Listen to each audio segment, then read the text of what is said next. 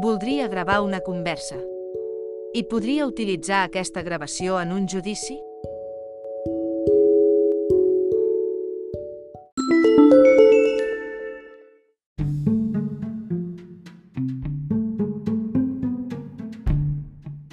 Serà vàlid gravar una conversa si es tracta d'una gravació pròpia, és a dir, si qui grava participa en aquesta conversa. Ara bé, la gravació de converses alienes són completament il·legals perquè vulneren el dret fonamental al secret de les comunicacions.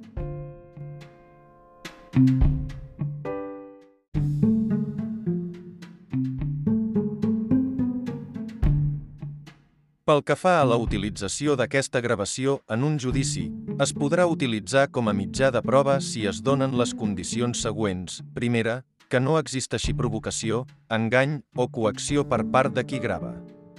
Segona, que el subjecte que grava participi en la conversa. Tercera, que es gravi en un lloc públic i, per últim, que si es grava en un lloc privat es tingui autorització o consentiment del titular.